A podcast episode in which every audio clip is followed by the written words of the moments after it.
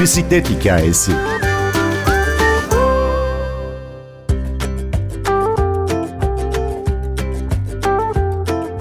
Dünyayı güzelleştirmek ve kitleleri harekete geçirmek için ilham perisini beklemeye gerek yok. Bugün sizi Ankara'da İçişleri Bakanlığı'nda çalışan bisiklet aktivisti Tekin Yolcu'yla namı diğer kravatlı bisikletçi ile tanıştırıyoruz. Ben Günür Öztürk Yener, bir bisiklet hikayesi başlıyor. Ben Ankara'da yaşayan, İçişleri Bakanlığı'nda çalışan bir memurum. Bisiklet aşkı aslında küçüklükten beri benimle beraber büyüyen bir aşkmış.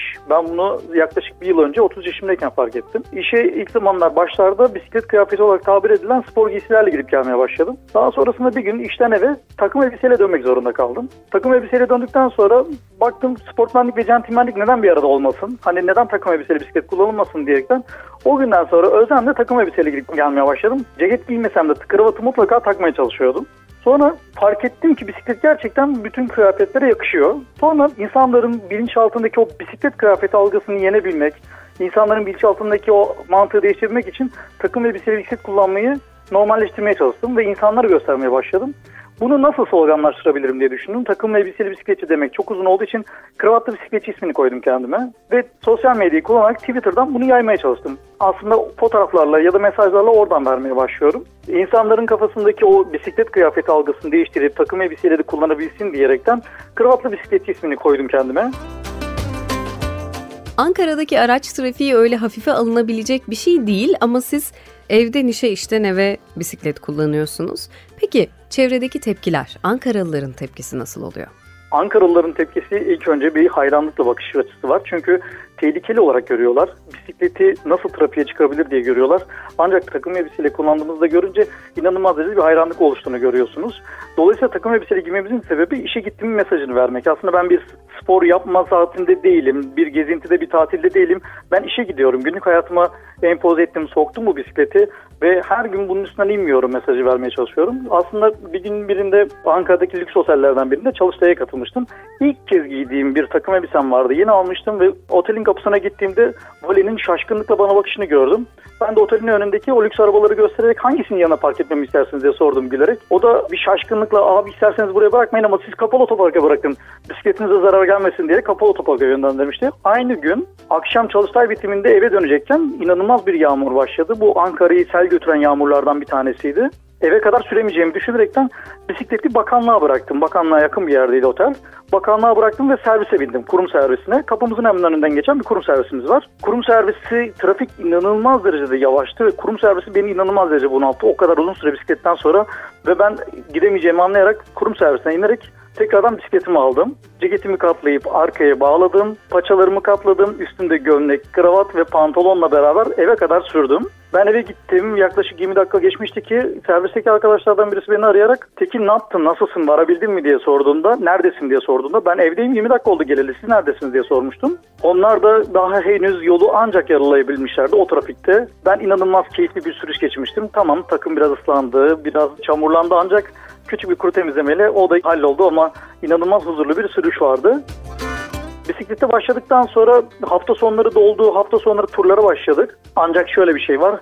4 yaşında bir oğlum, bisiklet kullanmayı bilmeyen bir eşim vardı.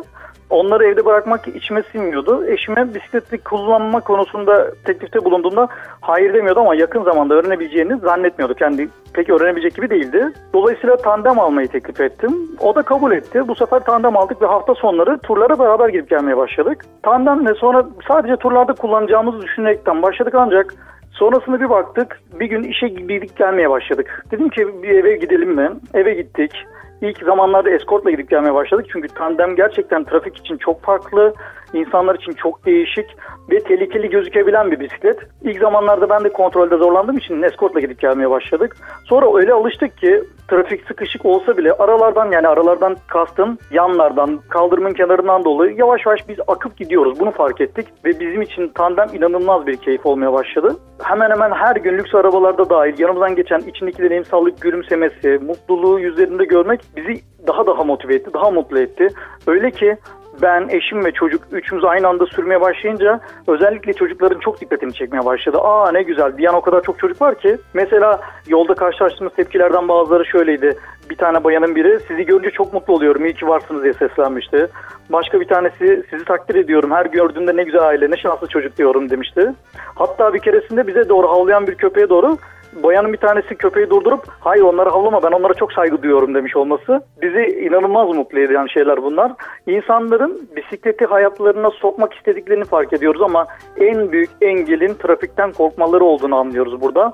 Dolayısıyla korkacak bir şey olmadığını anlatmaya çalışıyorum ama gerçekten korkacak bir şey yok. Tehlikesiz demiyorum. Yollarda bisiklet yolunun olmaması evet bir sorun ama en büyük sorunun yollara paralel döşenmiş mazgallar olduğunu görüyoruz. Ve yolun sağ kenar sağ taraflarındaki tam kapatılmamış mazgallar, çukurlar tehlike oluşturuyor. Onun dışında bisiklet yoluna ihtiyacınız var mı diye sorarsanız açıkçası benim yok. Ama ben bisiklet yolunu belediyelerden, yerel yönetimlerden talep ediyorum. Çünkü bunu kendim için değil, etrafımda bisikleti de başladığımdan beri duyduğum yüzlerce keşke ben de binebilsem diyen insanlar için talep etmeyi düşünüyorum.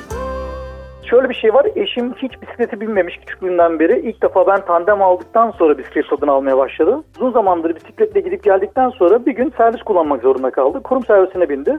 Ben yine bisikletle gittim. Kurum servisini takip ettim. Onlardan önce kuruma vardım ve onu bekledim. Servisten inince yanıma yaklaşıp oh çekerek bisiklet tam bana göreymiş. İnanılmaz bunaldım serviste demesi üzerine anladık ki bisiklet bizim için gerçekten bir hayat oğlum Yavuz Selim büyüdüğünde kreşe dair birçok şey hatırlamayacak. Şu anda 4-5 yaşlarında ama bu bisiklet hafızasına kazındığını düşünüyorum. Diğer çocukların babam beni lüks arabalarla kreşe bırakırdı der mi bilmiyorum ama Yavuz Selim büyüdüğünde babam beni tandem bisikletiyle kreşe bırakırdı diye büyük ihtimal diyeceğini düşünüyorum.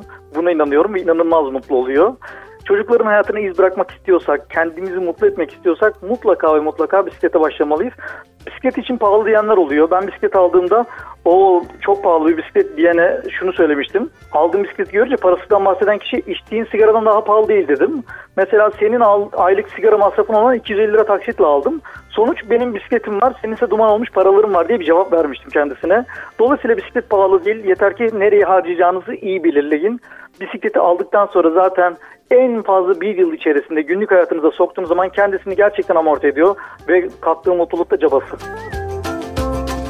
Bir bisiklet aktivisti, kravatlı bisikletçinin hikayesini dinledik.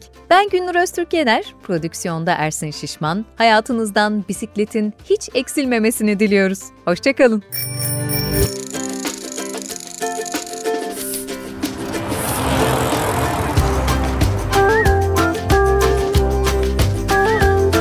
Bir bisiklet hikayesi.